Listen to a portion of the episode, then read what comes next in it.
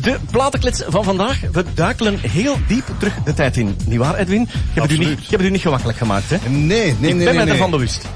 ik ben me daar heel gedegen van bewust. En ik dacht van, ik moet die mensen een beetje een voorzet geven. En ik heb u een heel klein beetje moeten helpen, want anders had het... Eh, nee, daarom dat ik ook eh, denk... Allee, ik- ik weet het natuurlijk niet 100% zeker. Ik heb een klein vermoeden. Want het liedje op zichzelf... Daar vermoed ik van dat, eh, dat het daar niet echt om gaat. Eh, ik bedoel daarmee, het liedje op zichzelf eh, heeft niet veel te betekenen, vind ik dan persoonlijk. Het is heel sober, met je piano, dit en dat, dat. Ook textueel gezien zegt het mij niet zo heel veel. Ehm producer-gewijs, de originele versie dan eigenlijk, want daar, daar gaat het eigenlijk een beetje over. Dus ik dacht iets, eh, dat is niet waar Luc het over heeft, denk ik. Als ik dan een beetje ging verder zoeken, en dankzij de link die hij mij doorgestuurd hebt, eh, ja, blijkt dat dat een van de liedjes van de Beatles is waar toch wel heel wat controverse over is. Amai. Eh, ik denk het enige liedje waar zoveel controverse over is. Maar, maar, Ja, belangrijk om te vertellen is dat... ja, ja, ja, er, er is denk ik een hele kleine inleiding voor nodig. We gaan even terug in de tijd, eh, naar de tijd dat ze ehm, het The White Album hebben opgenomen. Ehm, een heel bekende LP, een heel bekend album. Maar de geschiedenis leert ons dat daar toch al een beetje de eerste spanningen tussen de bandleden te merken viel. Ja. Later is dat echt wel een beetje duidelijk geworden. En Ehm, dan zijn ze begonnen aan een project, het, het Get Back project. Dat was de bedoeling dat men een documentaire ging maken, een making-of documentaire. En ze hebben dus heel wat beelden gemaakt. De bedoeling was, we gaan dat opnemen terwijl ze zich aan het voorbereiden zijn, nieuwe nummertjes opnemen, wat weet ik allemaal, in een studio met camera's erop. Maar dat is eigenlijk allemaal fout gelopen. Hè? Eh, en de bedoeling was ook dat er een film werd van gemaakt en op het einde een live concert. Gingen ze dan spelen, was voor tv, Ja. werd opgenomen. Dat werd dan één geheel om uit te zenden. Maar tijdens die opnames loopt het helemaal fout met de jongens van eh, de Beatles. Ja. En daar, eh, je hebt nu die eh, nieuwe reeks. Ze hebben die beelden terug opgezocht, gerestaureerd. Ze hebben daar een nieuwe documentaire over gemaakt.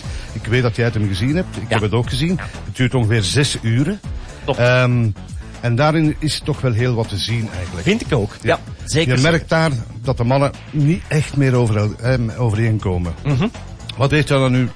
Gaan we het nu afronden, Luc? Of gaan we het... eh, Nee, ga maar door. Ja, goed oké. bezig.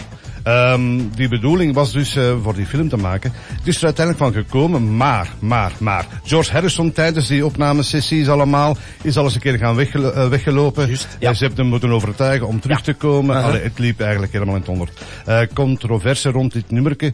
Eh, Paul McCartney heeft het geschreven, alhoewel dat je eh, bij de auteursrechten ook John Lennon ziet staan, maar hij heeft het zelf geschreven. Ja. En daar zit ook weer een beetje de clue in. Zeker. Heel belangrijk Ja. naar het verloop van het verhaal eigenlijk.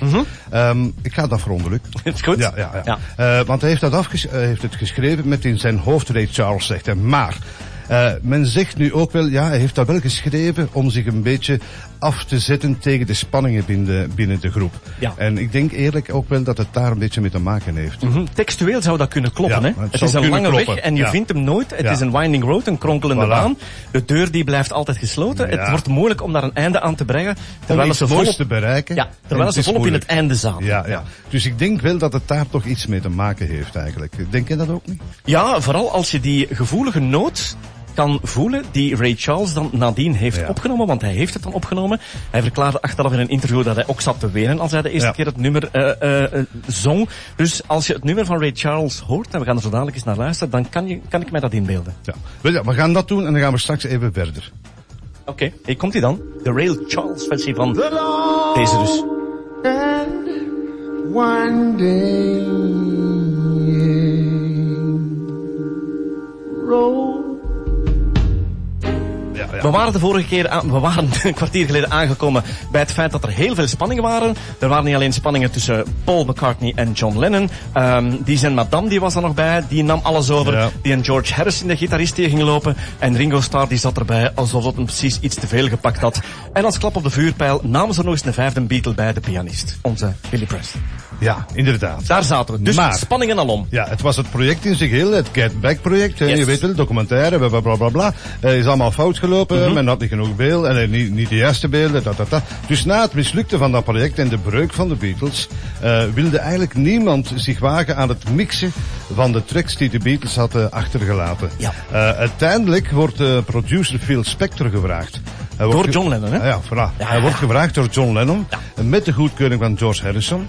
Maar die Phil Spector, ja, dat is natuurlijk een hele speciale. En ehm, hij was bekend voor zijn wall of sound. Yes. Dat betekende dat als hij een ehm, plaat produceerde, dat was eh, bomvol geluid.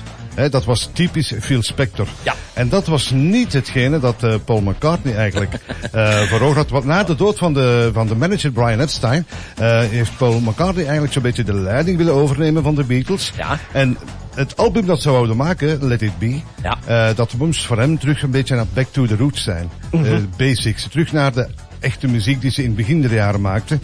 En Phil Spector, ja, die heeft er natuurlijk het idee helemaal anders van gemaakt. Hè. Inderdaad. Bomvol geluid. Ja. En daar zit dan een heel klein beetje het probleem. Ze hebben ook heel veel takes opgenomen van dat ene liedje. Klopt, klopt, Hè? klopt. En eh, Phil Spector dacht ik gelezen gehad hebben dat hij take 18 gebruikt heeft. Dus je moet je weten hoeveel takes dat ervan zijn. Klopt. Eh, om die plaat dus te, te, te remixen eigenlijk met zijn eigen stijl.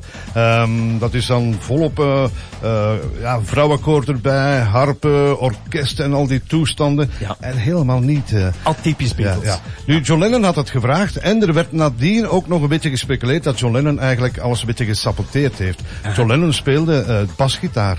eh, op dat nummer. Verschrikkelijk. Maar John Lennon is geen basgitarist. Nee, nee, nee, dus hij heeft heel veel verkeerde noten gespeeld, eh, slechte slides gemaakt, en dat weet ik allemaal. Klopt. Hij zegt wel van nee, dat is helemaal niet de bedoeling geweest, maar ik ben geen basgitarist. Want er zijn mensen die beweren van, jawel jongen, eh, ik heb dat speciaal gedaan omdat het dan bras was. En Paul McCartney heeft eigenlijk naar verluid hierdoor allemaal beslist van oké, de Beatles voor mij definitief gedaan. Ja, ja. Dus, dat liedje, The Long and Winding Road. Ik denk, Luc, dat het niks eh, voor u te maken had met de aard van het liedje, maar hetgeen dat er rondom gebeurd is. Denk ik dan maar. Ik weet dat jij ook die documentaire, dat je sindsdien een fan bent geworden van de Beatles. Ja. Dus ik denk dat het daarmee te maken had. Ik weet niet dat ik het juist heb, dat weet ik niet. Ah, wel, je hebt er nog nooit zo bonk op gezeten als nu. Voilà. ze.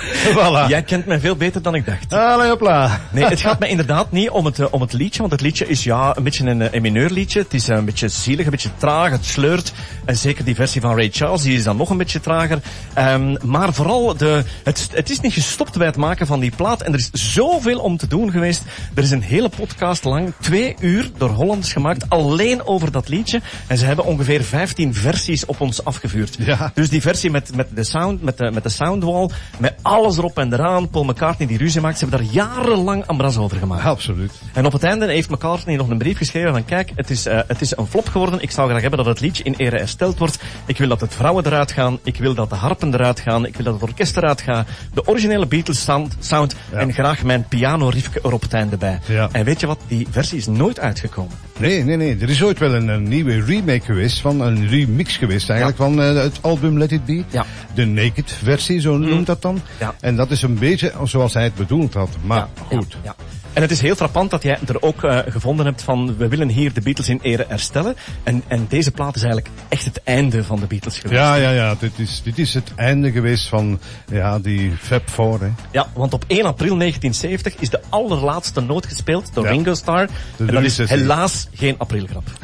helaas is dat geen aprilgrap, dus toen was het volledig gedaan. Je hebt dat knap gedaan, man. Dank u. Dus The Long and Winding Road, niet de versie die eh, Paul McCartney wou, maar eigenlijk een van de origineelste. Ik heb er werk aan gehad. Als- Verdorie. Alsjeblieft. Tot de volgende, hè. Oké. long and winding road.